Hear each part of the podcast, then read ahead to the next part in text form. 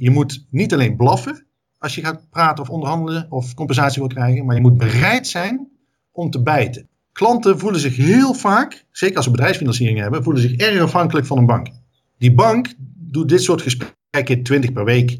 Dus die snappen wie er blaft, maar ze kunnen ook ruiken wie bereid is om door te bijten. Dit is Invloed. Mijn naam is Alex Liopo en hier leer je alles over de kunst van het beïnvloeden en overtuigen. Wie moet volgens jou het verhaal echt in de uitzending komen vertellen?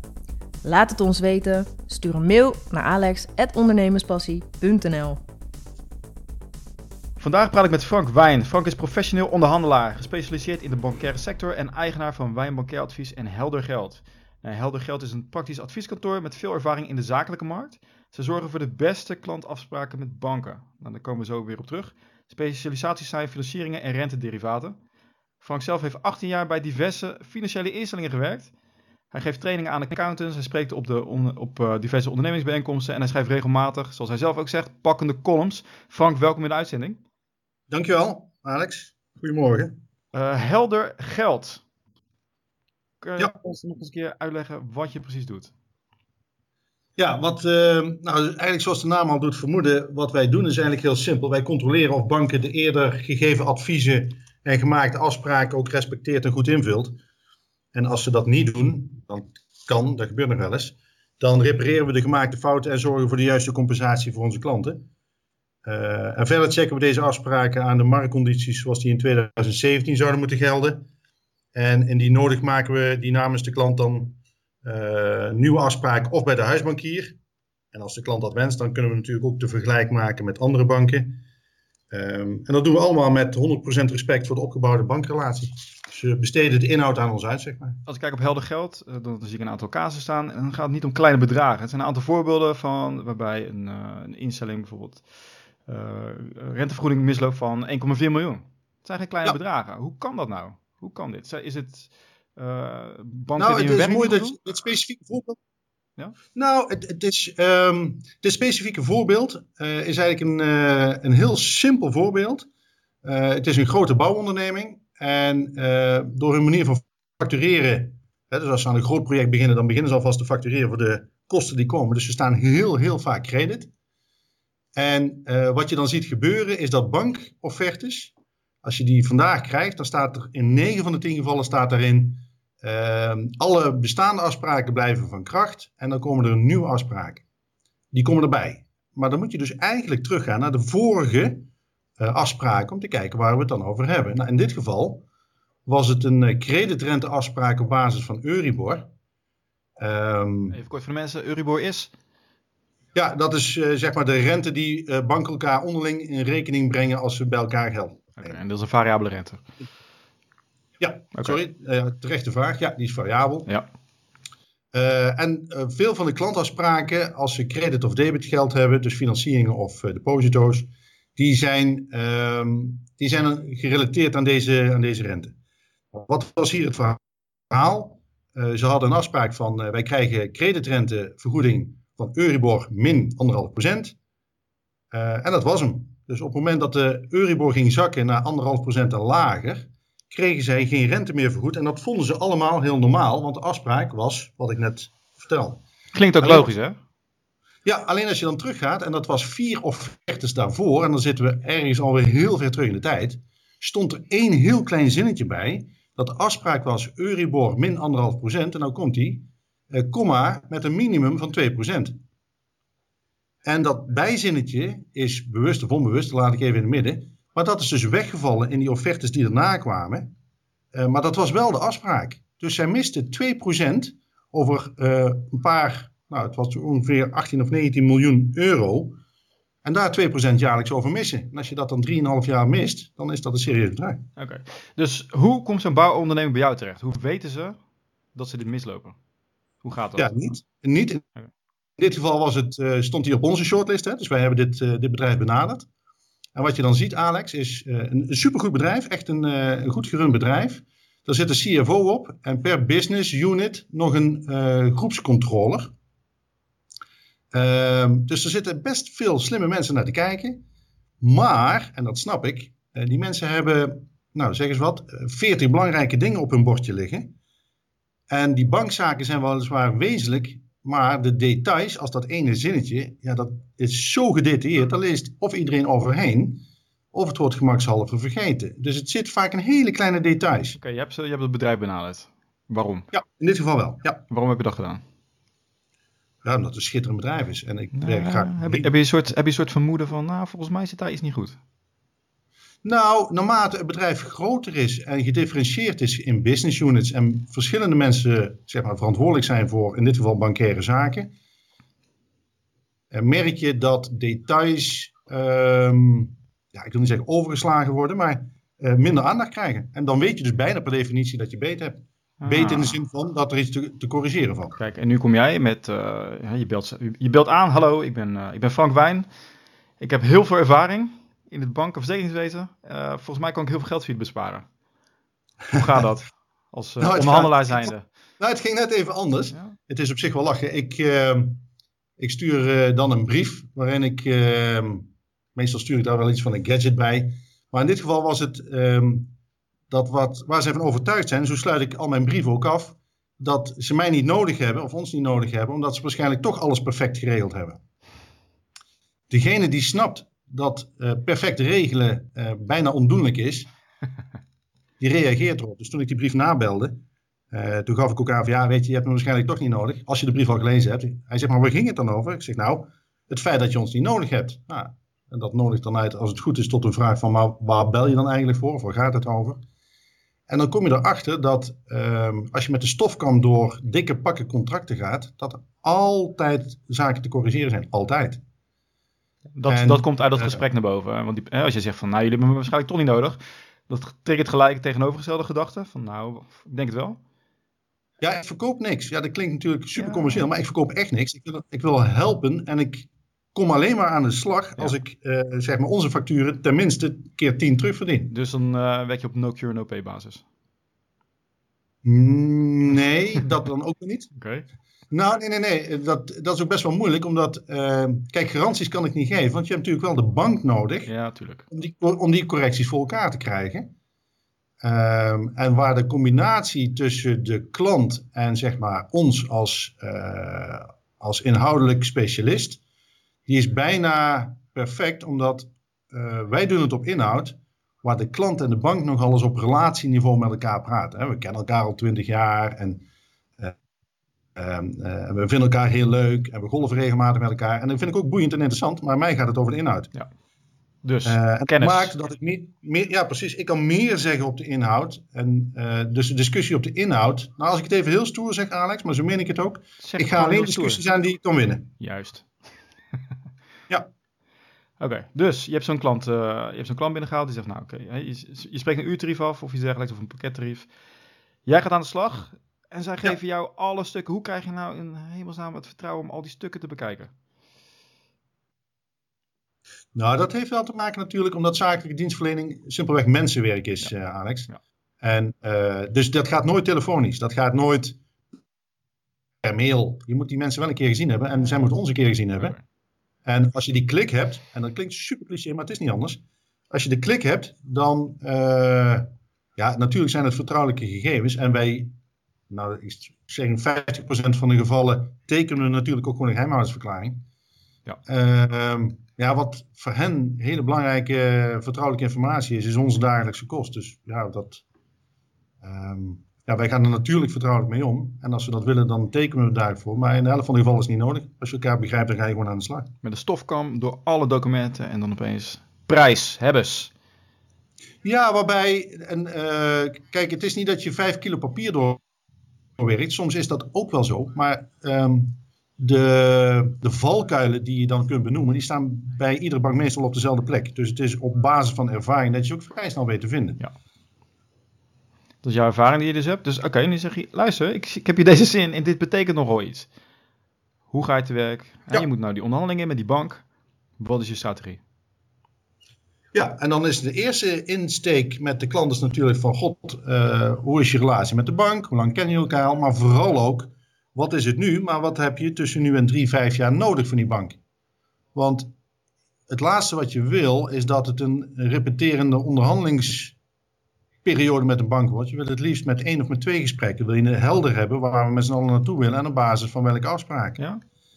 En als het met de huisbankier kan, dan heeft dat absoluut, absoluut onze voorkeur. Maar soms zijn eh, de verschillen tussen wat afgesproken is en wat het daadwerkelijk geworden is zo groot dat de bank ervoor kiest, of sorry, de klant ervoor kiest om ons de opdracht te geven om ook eens ergens anders te gaan kijken. Ja, oké. Maar je zit nu bij de bestaande bank, want ja, misschien nog geld, Ja, geld te goed. Da- natuurlijk. relatie, al- relatie is goed, want ik weet hoe accountmanagers zijn. Die willen die relatie met die klant ook goed houden. Eh, ja, dat is waar. En eh, de praktijk is eh, echter, Alex, dat waar klanten denken dat ze een 25-jarige relatie met hun huisbankier hebben, eh, kan ik ze altijd ervan overtuigen dat de relatie met de huisbankier net zo lang is qua periode als de verstandhouding met de laatste accountmanager. Yep. Want dat verschilt ook En- nog eens een keer. Je krijgt een fusie. Er komt dan, hè, misschien wordt een hele Ja. divisie wordt, eh, wordt eruit gegooid. En account, ja, maar accountmanagers eh, die promoveren ook, die gaan andere functies bekleden, gaan misschien naar een andere regio. Opeens gaat alles online en dan valt heel die accountmanager weg misschien. Kan ook nog. Ja, nou bij de grotere MKB-bedrijven zie ik dat niet zo snel gebeuren. Maar het, het wisselen van.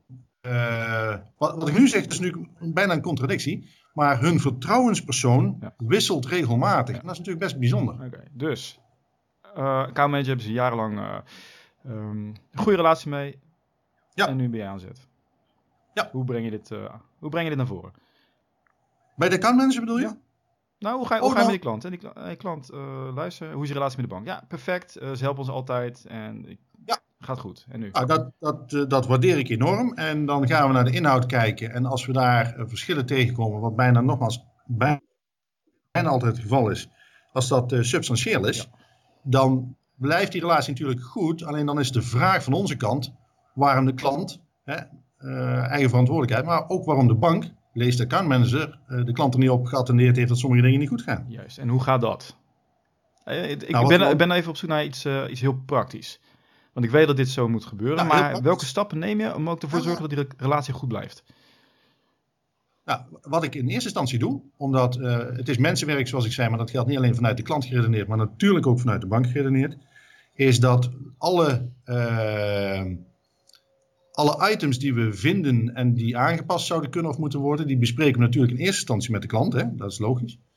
Om vervolgens met die klant af te spreken dat wij eerst één op één met de accountmanager of de contactpersoon in ieder geval aan tafel gaan. Dus eerst één op één, zonder klant. Ehm, Waarom dan? Eh, omdat we eh, de accountmanager in eerste instantie de gelegenheid willen geven om intern oplossingen te bedenken die wij denken dat nodig zijn. Ehm, nou, daar heeft hij misschien aanvullende informatie voor nodig en we overvallen er ook enigszins mee. Hè? Dus we moeten de accountmanager ook de tijd geven om eh, inhoudelijk en procesmatig de oplossingen te kunnen bedenken die we voor ogen hebben. Eh, nou, dus die kan in eerste instantie aan de slag. En dan gaan we één op één communiceren. Dus als hij vragen heeft inhoudelijk of stukken wil hebben, dan kan dat. Om daarna, als we richting de oplossing gaan, dan maken we er een driegesprek van. Oké, maar even beginnen. Vraag je dan meteen namens Ja. de klant een face-to-face gesprek aan met die accountmanager? Ja. Ja. Oké. Stuur je van tevoren, de accountmanager zegt ook van waar gaat het over? En wie is Frank? Of wie is eh Helder Ja. Geld?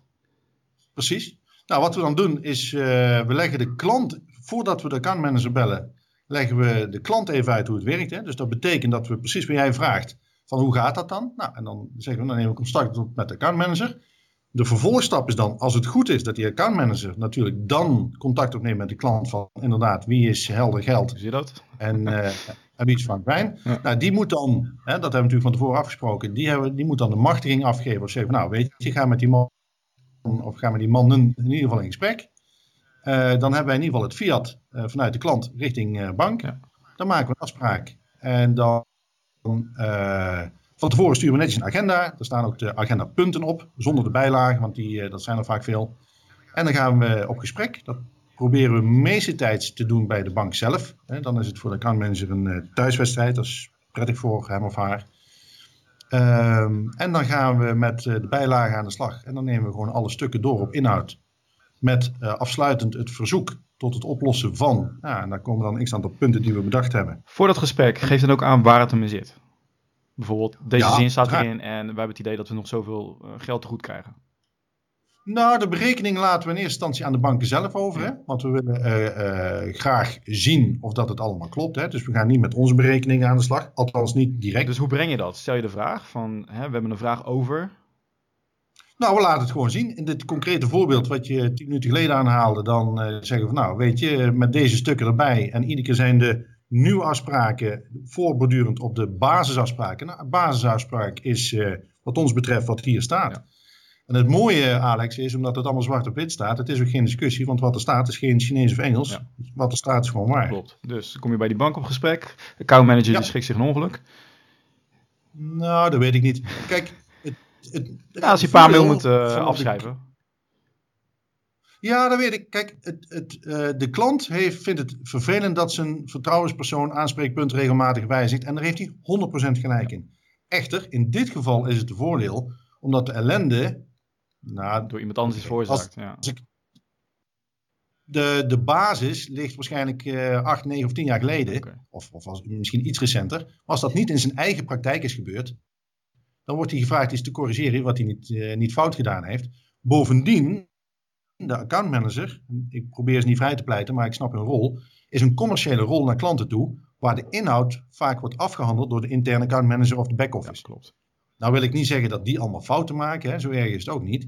Maar ook daar werken gewoon mensen die af en toe gewoon een paar details uh, over het hoofd zien. Want voor jouw luisteraars, uh, het lijkt alsof banken alles geautomatiseerd hebben, maar bij deze kan ik je bevestigen dat het niet zo is. Dus daar waar het mensenwerk blijft, ja, dat is natuurlijk een, een uh, gerede kans op, op fout. En dat kan. Is het dan heel makkelijk voor jou? Hè? Zoals nu klinkt, lijkt alsof je daar komt. Luister, dit stond erin. Dus ik krijg nog een paar miljoen van jullie. Of een ton, of wat het dan ook is. Gaat het ook zo? En de bank zegt, ja, is goed. Oh, je, je, vraagt eigenlijk dat de gesprekken ongeveer 15 seconden duren. Nee, die duren wel eens langer. Uh, nee, waar het over gaat is dat je op inhoud eerst consensus bereikt over dat wat op papier staat, wat we met z'n allen getekend hebben, dat dat het ook is. Ja. Nou, dat, is natuurlijk, dat zijn retorische vragen, want er staan allemaal handtekeningen onder van mensen die, die gemachtigd zijn. Mhm. Alleen dat maakt het daarna natuurlijk een makkelijkere discussie als je het eens bent over dat de basis, zoals die geldt, dat die ook daadwerkelijk uh, bij iedereen bekend zijn. Of is. Uh, nou, op het moment dat je daar consensus over hebt, dan ga je daarna erover praten wat de consequenties zijn, of wat het vervolg daarop zou moeten zijn. En pas in het laatste verhaal ga je een rekenmachientje aanzetten. Uh, maar als je deze stappen doorloopt, dus 1, 2, 3, zijn we het eens over de consensus, snappen we allemaal wat de consequenties zijn en wat betekent dat dan in euro's. Ja, weet je, dat is relatief makkelijk als je stap 1 in, uh, in, in, goed overleg uh, overeengekomen bent. Kijk, dat is een makkelijke. Dan zegt de bank, ja, is goed, we zijn helemaal fout. En wanneer gaat het, bijvoorbeeld wanneer het niet, uh, wanneer de bank tot een andere conclu conclusie komt? Ja, zoals ik je in het, in het voortraject aangaf, een van onze specialiteiten is rentederivaten. Nou, en tot, Korte uitleg voor de nou, mensen die niet weten wat het is. Ja, een, rentederivaten dat zijn producten die ondernemers kunnen kopen bij een bank. In dit geval een renteswap is een van de meest verkochte rentederivaten. En daarmee ehm, kun je een gedeelte van je financieringsrente uh, vastzetten uh, of maximeren om je renterisico af te dekken. Ja. Nou, bij die tekst haken al veel klanten af, dat snap ik. Um, alleen het is veel te makkelijk verkocht door banken. Die banken hebben het verkocht uh, als een goed vergelijk voor een echte vaste financieringsrente. He, dus als je een hypotheek hebt, zakelijk of privé, dan kun je je rente drie, vijf of tien jaar vastzetten. Zo is dit product verkocht, alleen zo werkt dit product niet. Dus de brochures waren fout, de accountmanagers zijn verkeerd getraind. Um, dus dit is een, een uh, soort woekerpolis, maar dan voor zakelijke uh, bankklanten. En die zijn ze ook voor op de vingers getikt, volgens mij. Ja, maar dat, als je zegt van krijg je dan meteen gelijk? Ja. Nee, in dit geval niet, want we zijn er al uh, vijf jaar over bezig. Okay. en mondjesmaat, mondjesmaat krijg je gelijk van de bank. Of moet je gelijk krijgen, want wat waar is, is gewoon waar. Alleen de belangen zijn natuurlijk dermate groot, want je praat over miljarden euro's. Als ze jou gelijk geven, kunnen ze gelijk uh, inderdaad die miljarden uitbetalen aan de rest van de mensen die dit ook hebben gekocht. Ja, het heeft natuurlijk een presidentwerk. Dus op het moment dat je voor vijf klanten gelijk krijgt, dan is het hek van de dam. Dus dat ze daar, daarvoor zijn gaan liggen, dat snap ik als geen ander. Mooi voorbeeld. Ja. Nou, weet je, het is een beetje als in de autosector, Alex. Als een Toyota een verkeerde remschijf heeft gebruikt, dan worden er een miljoen auto's teruggeroepen. En die worden gratis en voor niks gemaakt door Toyota. Ja. Nou, was, was het bij banken ook maar zo simpel. Alleen die, die kiezen ervoor om zich in te graven om uh, 100 miljoen euro minder uit te hoeven keren. Dus uh, hoe ga je te werk? Ja, dat kan. Dat is keuze. In dit geval uh, door in ieder geval een samenwerking aan te gaan met meerdere professionals die daarmee bezig waren. Samen hebben we destijds uh, kenniscentrum rentederivaten opgericht. Uh, en het enige wat we gedaan hebben is die kennis die we met z'n allen hadden, die hebben we gebundeld en die hebben we onder de aandacht gebracht van AFM, Tweede Kamerleden, directies grootbanken, de pers. Dus om zoveel mogelijk rugbaarheid te geven aan de fouten die gemaakt zijn. Oké, stap, stap 1 was in gesprek met je bank zelf toch? Ja, altijd op, op individuele maar cases. Wat, wat, wat, gebeurde daar? Ben ik wel benieuwd naar. Want dan moeten ze zeggen, nou, het, hè, je hebt ook te maken met de accountmanager. Maar die accountmanager is niet uh, degene die, de, die ja of nee op kan zeggen eigenlijk. Want het is veel groter dan een accountmanager. Nee, natuurlijk niet. Kijk, ik, ik ben altijd van de metafoor, Alex. En het is hetzelfde als dat je een auto koopt. Ja. De, mijn metafoor rentederivaat is een hele simpel, Alex. Als ik even mag. Als je een BMW 530 koopt, dan moet er een 3 liter motor op Daar staat die 3 voor. Um, en je koopt iedere drie jaar koop je een nieuwe BMW bij jouw oude dealer. En uh, op de brochure staat dat er een 3 liter motor in zit. Die verkoper zegt dat er een 3 liter motor in zit. En ik denk ook dat er een 3 liter motor in zit. Alleen als mijn buurman erin gaat rijden, die helemaal BMW-freak is, die zegt: Frank, je komt vermogen tekort. En die doet die motorkap open en dan blijkt er een 2 liter motor in te zitten. Ja, nou, nou waar, waar, ik benieuwd naar ben, is je gaat nu. Hè, ik snap het helemaal. Maar je komt eraan en je krijgt gewoon nee. Maar hoe gaat het gesprek? Ja, dus wat er gebeurt, e-, even in dit metafoor, want dat is het antwoord op je vraag. Dus je gaat naar die verkoper toe. En die verkoper, met alle respect, die heeft dus geen idee wat voor motor erin ligt. Want hij is verkoper, hij is namelijk geen automonteur. Uh, dus als je de accountmanager aanspreekt, die zal naar eer en geweten in eerste instantie zeggen dat er niks aan de hand is. Want diezelfde accountmanager heeft het naar eer en geweten verkocht. Ja. Althans, de meeste. Um, dus die roept in eerste instantie dat er niks aan de hand is. Nou, dan moet je dus een echelon hoger, hè, want als degene die bij de voordeur staat je niet binnenlaat, dan moet je de, de trap op, zeg maar. Dus dan leg je het op een uh, hoger niveau neer, net zolang totdat er iemand reageert op de inhoud. Want de dingen die wij zeggen en de dingen die wij laten zien op papier, die kloppen namelijk altijd. Um, nou, en als je dan bij één bank, bij eh, diverse banken, meerdere dossiers hebt, dan durven wij wel te laten zien dat er een rode draad in zit. En zo is het begonnen. En bij wie kom je dan uit? Want is het dan de persoon die uh, de, de rentederivaten gemaakt heeft? Nee, in dit geval heel concreet. Productmanager? Dus bij grootbanken, bijvoorbeeld ABN AMRO Bank. Mm Daar worden we dan uitgenodigd om met uh, vijf professionals, en wij zijn dan toevallig ook met z'n vijven op dit onderwerp, om aan tafel te gaan en onze vragen te stellen om te kijken of dat ze uh, de vragen die wij stellen, of dat ze die naar eer en geweten kunnen beantwoorden. Dus je gaat in discussie met uh, het hoofdkantoor, die, met mensen die gespecialiseerd zijn in deze producten. Um, en daar kom je alleen maar terecht, Alex, als je blijkbaar uh, daar rugbreid aan geeft via uh, de pers, via bezoek aan AFM. dus AFM staat vaak toch wel open voor signalen uit de markt. Dus we hebben onszelf uitgenodigd en ja, zo begint die bal dan een beetje te rollen. Dus je begint dan niet onderaan, want dat heeft weinig zin bij de account manager. Maar je moet eigenlijk gaan voor de piek van de kerstboom. Juist, en dan ben je dus gekomen doordat je eerst bent gegaan naar een AFM. Ja, eerst AFM, uh, wat journalisten geprobeerd te interesseren voor het onderwerp. Wat casussen besproken met de banken. En pas saldo ben je dan op vier, vijf schaakborden tegelijk bezig. En dan hoop je dat het ergens bij elkaar komt. En hoe krijg je dan uh, de persoon die erover gaan aan de telefoon?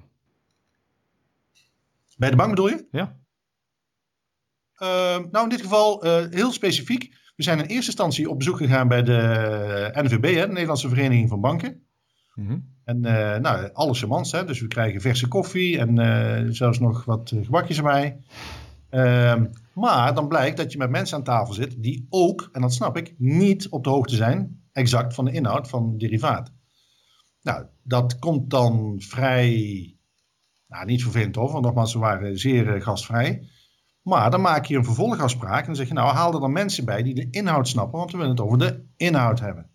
Nou, wat uh, de NVB vervolgens heeft gedaan, uh, dat hebben ze netjes gedaan. Die hebben ons vervolgens aan tafel gezet met de drie vertegenwoordigers van de grootbanken die verantwoordelijk waren en zijn voor dit product.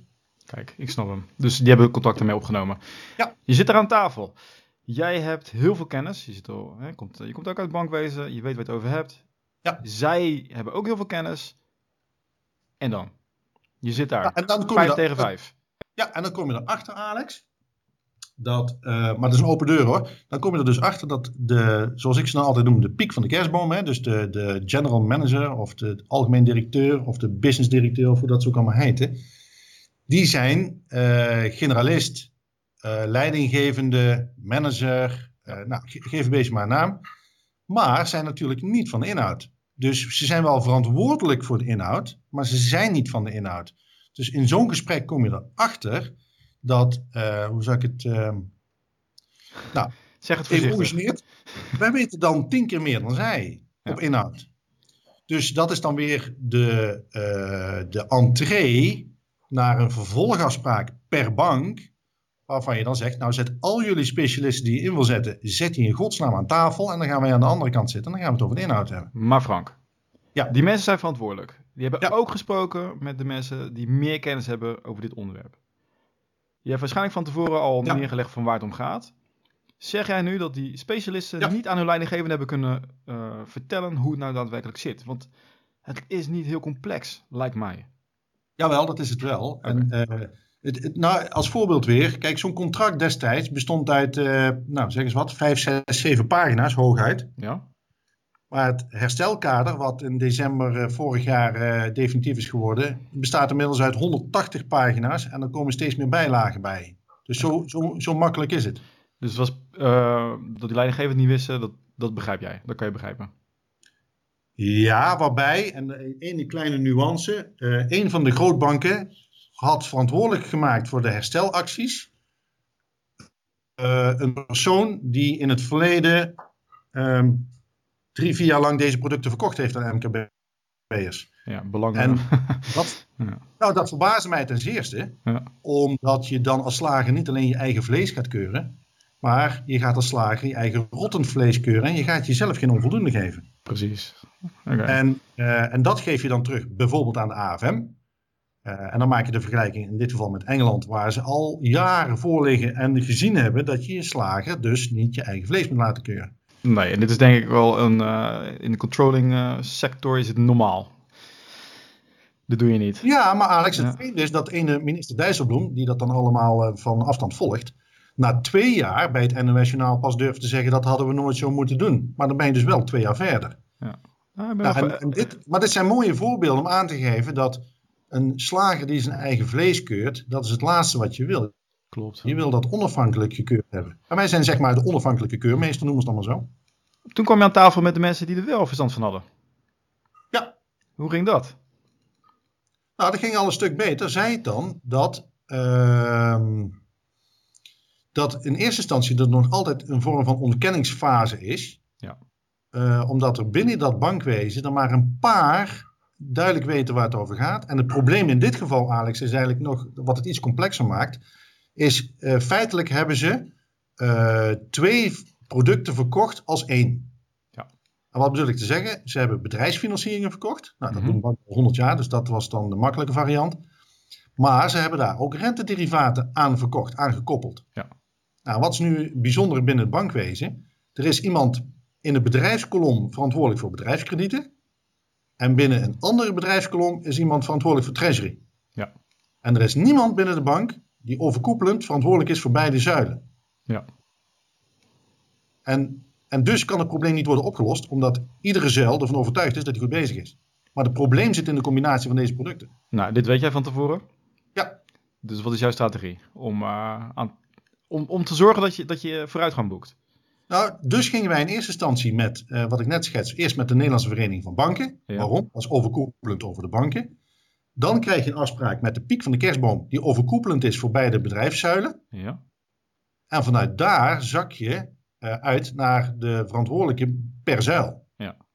En uh, in het kredietenvak, zeg ik dan maar even, daar hebben mensen gewoon naar eer en geweten hun werk gedaan in de kredietensector. zonder dat, daar, dat ze op de hoogte waren van, van hoe die treasury producten werkten. Mhm. Want daar waren zij zelf ook niet toe geëquipeerd.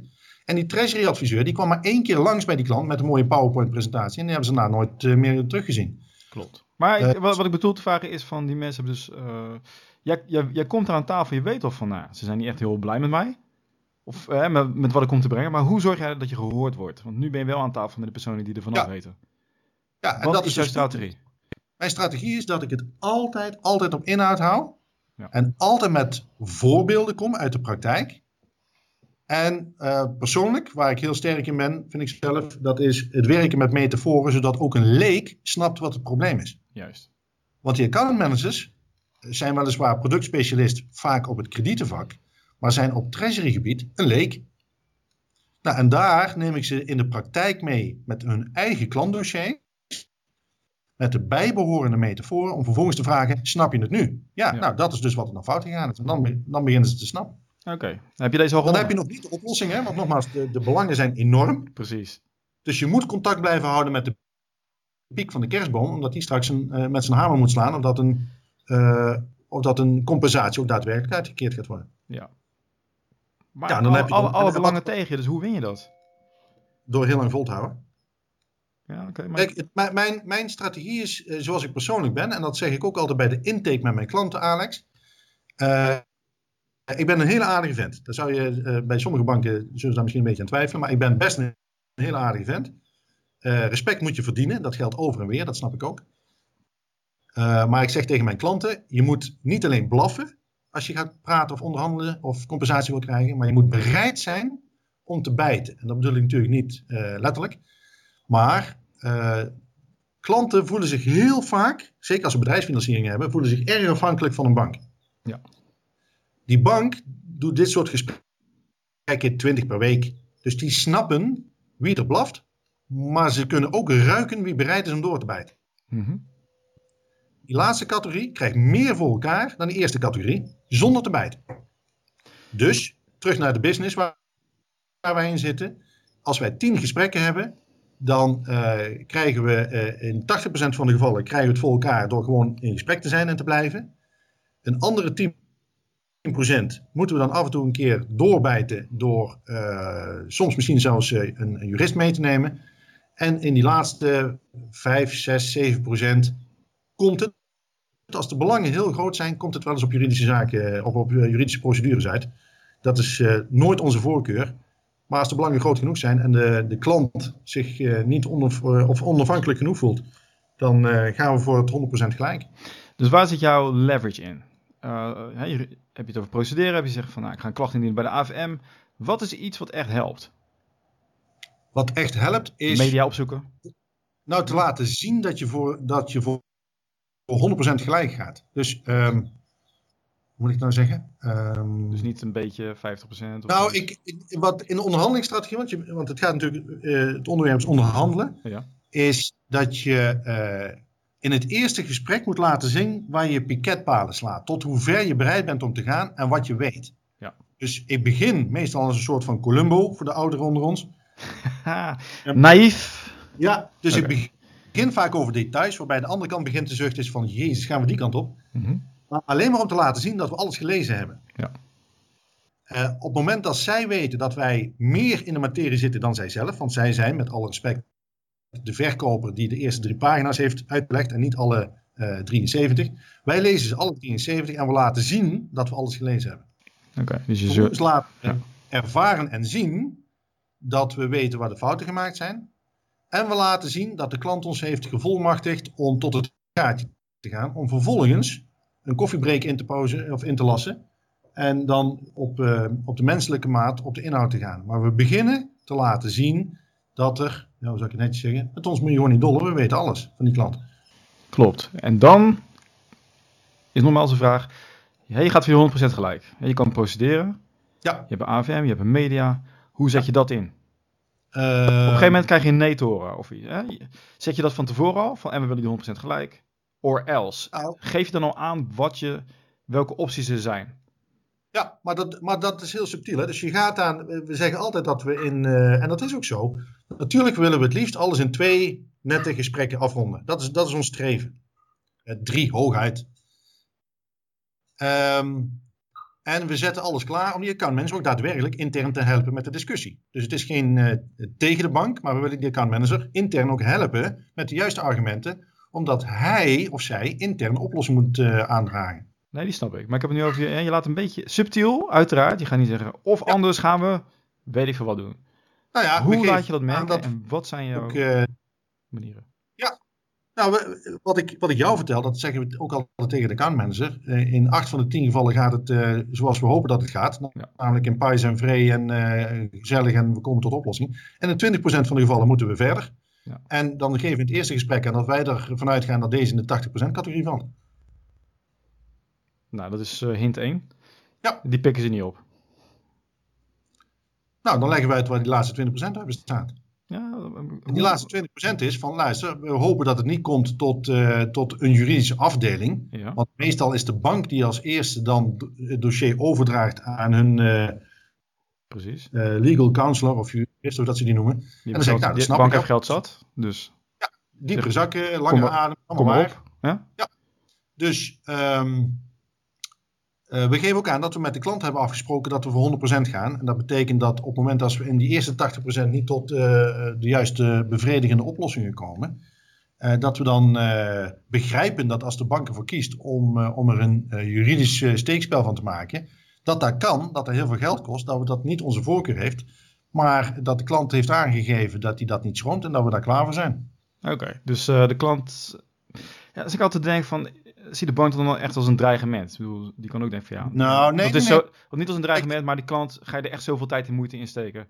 Het is goedkoper om dit gewoon maar te laten gaan, want met zijn procedure ben je meer geld kwijt. En je weet niet zeker of je gaat winnen. Ja, dus. dat is waar. Want je bent altijd, als je gaat procederen, wat dus nogmaals bijna nooit gebeurt ook. Hè? Meestal is het een, eh, een schikking. Uh, in die 20% zitten namelijk ook heel veel schikkingen. Ja. Uh, omdat de bank weliswaar diepere zakken heeft en langere adem. Maar waar ze niet op zitten te wachten is dat uh, de casus wordt geschreven op de voorpagina van de Telegraaf. Kijk, daar zocht ik naar, Frank. Zet je die nuance er ook in? Je hebt de Telegraaf naast je liggen, begrijp Nee, nee, nee, nee. Maar hè, procederen is het niet. Maar ga je dan verder van, luister, dit ga ik in de, uh, de media ja, brengen of iets dergelijks. Zeg je dat dan ook? Ja, um, en dat is ook wel... nou, nogmaals, ik ben van, van de praktijk, dus tijdens dat gesprek op het hoofdkantoor van een van de grootbanken, zegt een van die andere vijf ook, God, ik heb begrepen dat een van jullie nogal actief is op social media. En kunnen we alles wat we hier bespreken nu vandaar binnen deze kamer houden? Ja. Dat vragen ze van tevoren. Nou, eigenlijk Alex, weet je dat je dan al goed bezig bent, want waarom zouden ze dat anders vragen? Dus ik doe dat altijd met humor. En dan is mijn antwoord, natuurlijk blijft dat binnen deze kamer. Ik zeg, tenzij je natuurlijk hele domme dingen zeggen, want dan voel ik me toch wel genoodzaakt om daar iets van te vinden en vooral ook om dat ook te communiceren. En uh, dat doe ik met de vette knip ook, maar ze begrijpen dan wel dat ze niet met onzinnige antwoorden moeten komen. Ze moeten op inhoud de juiste antwoorden geven.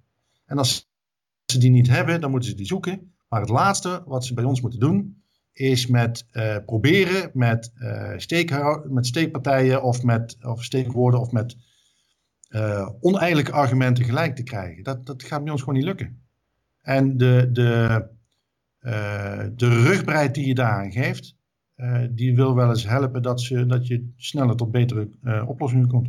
Frank, sterk ruggengraat, laten zien dat je kennis hebt van de inhoud en laat zien dat je tanden hebt. Ja, geen kunstgebit. Het zijn allemaal echte tanden en mijn hoektanden zijn scherp. Ja. Mooi. Mooie afsluiting. Ik wil nog echt verder gaan. Ik heb, ik heb hierna nog een gesprek. Zit hier ja. Anders had ik echt langer met je willen doorpraten, Frank. dus we gaan hierbij afronden. Hartelijk dank. Heel graag. Het geeft heel veel inzicht, ook voor mensen die niet dagelijks met de bank zaken doen. En dit, geldt, dit geldt trouwens ook voor, uh, niet alleen met uh, account managers, dit geldt op alle vlakken qua onderhandelen. Absoluut. Wat is de belangrijkste les die je uit deze uitzending hebt gehaald? Laat het ons weten op alex.ondernemerspassie.nl Steun de podcast en laat een review achter op iTunes. Klik de link aan in de show notes. Het kost je één minuut en je maakt ons er echt heel erg blij mee.